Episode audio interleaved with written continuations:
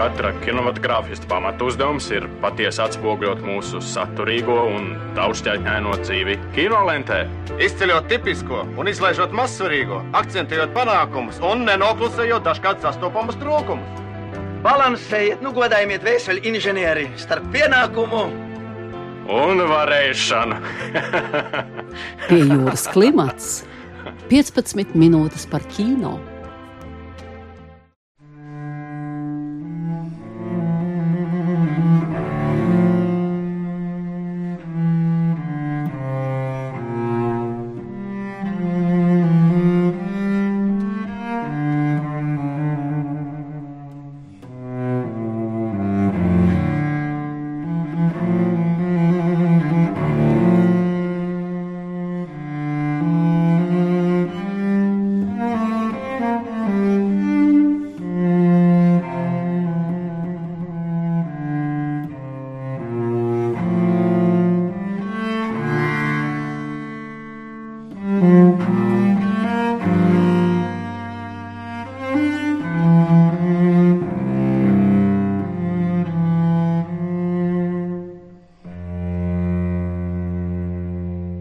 Labdien, cienījamie pie jūras klimata klausītāji! Domāju, ka uzmanīgākie no jums jau atpazīst šo mūziku no Baha otrās čēlas vītas režisora Ingmara Bergmana iemīļotā mūzika. Un jā, šodien raidījumā parunāsim par Ingmaru Bergmanu. Gan tāpēc, ka viņš ir šī gada simtgadnieks, viens no 20. gadsimta lielo kinoģēniju zvaigznāju, kino valodas inovators līdzās Andrejam Tarkovskim, Michelangelo Antonioni, Ženam Likam Godāram, gan arī tāpēc, ka tikko starptautiskajā kinofestivālā Rigīf bija Ingmaram Bergmanam veltīta plaša programma. Viņa filmu retrospektīvā tika izrādīta dokumentālā filma par viņu un Bergmana pētnieka Stīga Bjorkmana lekcija par izcilo režisoru. Visi šie pasākumi bija labi apmeklēti un kā teica programmas kurators, režisors Staņislavs Tokalovs, šajā augstajā laikā Rīgā viņu sildīs apziņa, ka te ir tik daudz Bergmana fanu. Zviedru režisors, kritiķis un rakstnieks Stīgs Bjorkmans 1970. gadā publicējis grāmatu Sārunu ar Bergmanu apkopojumu Bergmans par Bergmanu. Par pirmo tikšanos ar kino grandu Bjorkmans savā Rīgas lekcijā atcerējās. One day I and two colleagues of the Swedish film magazine Chaplin got the idea of making an interview book with Ingmar Bergman. This was in 1968. Kādu dienu es un divi kolēģi no filmu žurnāla Čaplins izdomājām, ka varētu izveidot interviju krājumu no sarunām ar Bergmanu. Tas bija 1968. gadā, laikā, kad Francois Trifo nesen bija publicējis savas sarunas ar Alfredu Hitchcocku. Gan mums, gan pašam Ingmaram par lielu izbrīnu, viņš piekrita piedalīties šādas grāmatas tapšanā. Mēs sagatavojāmies sarunai. No sākuma līdz beigām rūpīgi pārskatījām visas Bergmana filmas. Es atceros savu sajūtu, tā bija kaut kas starp cieņu un bailēm. Atceros arī savu pirmo jautājumu, kas neizcēlās ar originalitāti. Tas skanēja, vai varat atcerēties, kā dzima jūsu interese par filmām? Can you tell us something about the genesis of your interest in films? I asked. And Bergman replied, It's also deeply buried in my childhood. I can hardly remember. I remember that the first film I ever saw, it must have been sometime in 1924, when I was six or so, was a film called Black Beauty. Bergmans atbildēja: Tas sakņojas dziļi manā bērnībā, tik agrīnā, ka precīzi nevar atcerēties. Pirmā filma, ko redzēju, un tas varēja būt ap 1924. gadu, kad biju sešus gadus vecs, bija filma, kas saucās Melnā skaistule. Tur bija degšanas aina, to es joprojām atceros. Un atceros, kā tās sajūsmināja mani un kā mēs pēc tam nopirkām grāmatu Melnā skaistulu, un es iemācījos ugunsgrēka ainu no galvas, jo lasīt tajā laikā es vēl nepratu. Pēc tam Bergmans pastāstīja mums stāstu, kā 3-4 gadus vēlāk savus rotaļu saldātiņus viņš iemainījis pret filmu projekciju, jeb tā saukto cinematogrāfu, kurš bija uzdāvināts viņa vecākajam brālim Ziemassvētkos. Es nemūžam neaizmirsīšu, kāds tas izskatījās, Bergmans atzinās. Or how it was constructed. Jā, šī atmiņu epizode par Bergmanu pirmo kinoprojektoru ir viena no biežāk citētajām viņa bērnības epizodēm.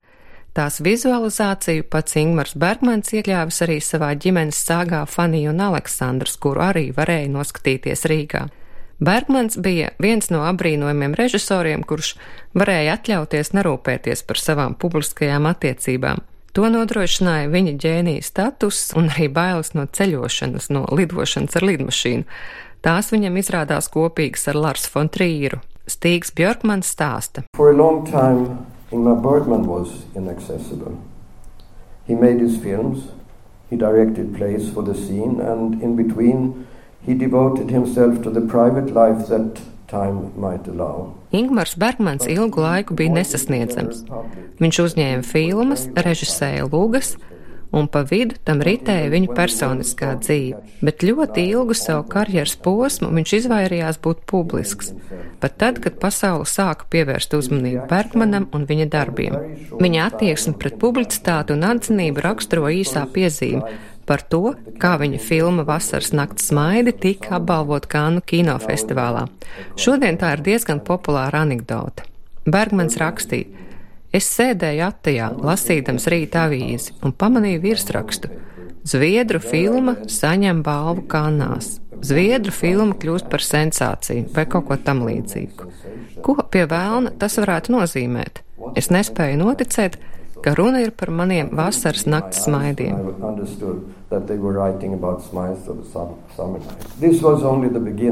Tas bija tikai sākums.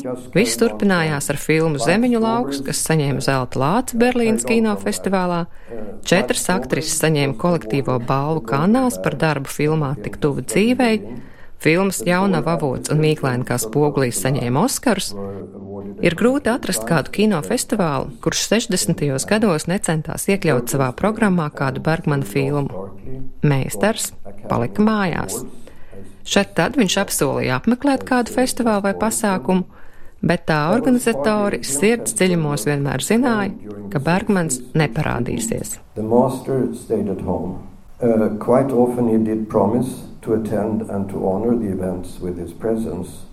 But somewhere in the back of their minds, the people who arranged the festivities and the festivals were well aware of that Bergman would never show up. Par Bergmana dēmoniem runāts daudz.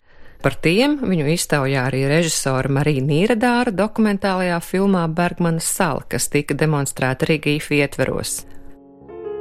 Uzmanību, un tūlīt jūs dzirdēsiet ģēniju balsi šīs filmas fragmentā.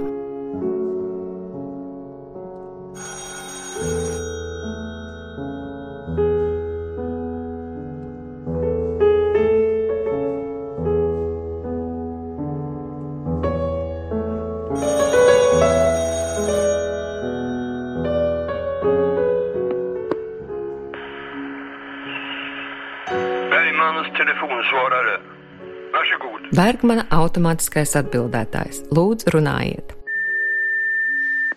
Du vet, demonerna tycker inte om frisk luft. Det, det, det, det de tycker bäst om det är om man ligger kvar i sängen med kalla fötter. Dēmoniem nepatīk svaigs gaiss. Dēmoniem patīk, ja tu paliec gultā ar augstām kājām. Tāpēc es katru rītu pēc brokastīm dodos pastaigā, kas ilgst kādas 30-45 minūtes. Pēc tam vienmēr vienā un tajā pašā laikā es apsēžos un trīs stundas rakstu. Tad papusdienoju, palasu grāmatu un pulksten trijos dodos uz savu kinoteātri.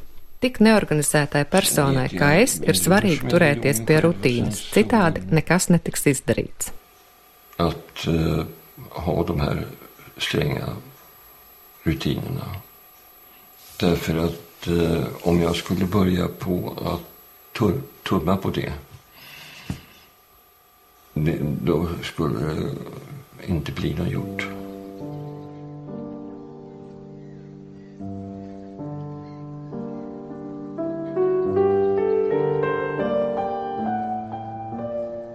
Nieradāra gan uzsver, ka Bergmans viņu sarunu laikā nekad nav bijis ne nīgrs, ne depresīvs, ne noslēgts, bet atvērts sarunām un sirsnīgs.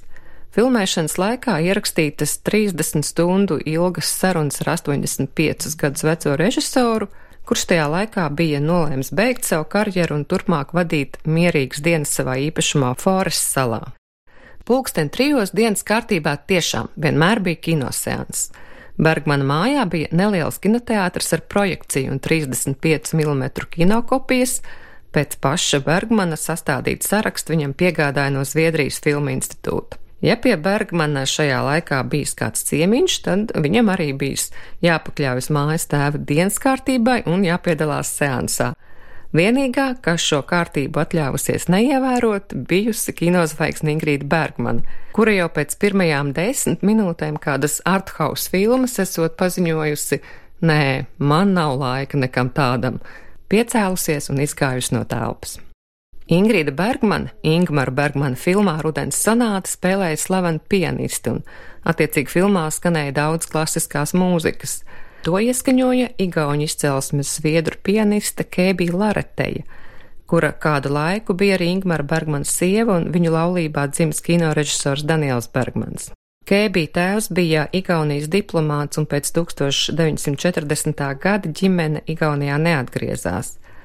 Un tieši Kēbija ietekmējusi Bergmana klasiskās mūzikas gaumi, kuru tad mēs arī varam dzirdēt viņa filmās. 1978. gadā Kēbija Lareteja ierakstīja vinilu plati Klausaps Tūplāni, kurā atskaņoja mūziku, klasisko mūziku, kuru skan Ingmara Bergmana filmās Mocartu, Hendeli, Skarlatī, Šopēnu. Plate nu ir kolekcionāru un Bergmana fanu iekārots retums, bet es jums šodien piedāvāju iespēju paklausīties vienu skaņdarbu, kurš arī skan šajā platē Frederika Šopēna prelūdiju no opus 28 Lā minorā. Tiesa gan ne Kēbija Laretējas, bet Konstantīna Blumentāla interpretācijā.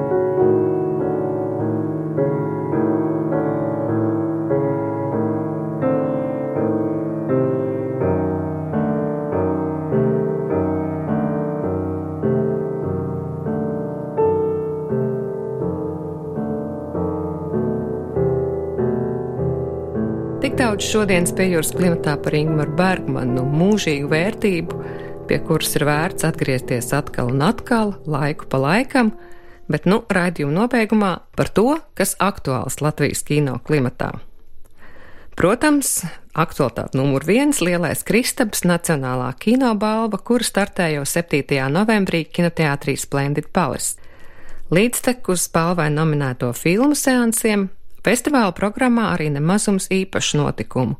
Vairāku jaunu filmu pirmizrādes, grāmatas par vēsturiskajiem Rīgas kinoteātriem atvēršana, tikšanās ar lielā Kristapa žūrijas locekli un Holivudas aktrisi Rutāņu Joldu un gal galā arī festivāla kulminācija noslēguma ceremonija 12. novembrī. Tā teikt, sekojiet reklāmai, tā ir festivāla lielais Kristaps mājaslapā, un personīgi es iesaku arī pievērst uzmanību un regulāri ieskatīties kino portālā Kino raksti, kas ir vienīgais profesionālais kino medijs Latvijā. Starp citu, pagājušā raidījumā es jums solīju interviju ar lietuviešu talantīgo režisoru Gietru Bēņerūti, kuras filma Elpa marmorā arī ir saņēmusi dažas nominācijas lielajiem kristapiem, proti par Vestardu Šimkus mūziku filmai. Arī šī intervija notika Rīgīf laikā, un arī tā būs lasāma nākamnedēļ portālā Kino raksti. bet mēs tiekamies Radio Vilnī. Raidījumu veidoja Kristīna Šēlve, producēja Agnese Zeltiņa un Inga Saksone, montāžā palīdzēja Andra Černievska. Raidījumu atbalstīja Kultūra Kapitāla fonds.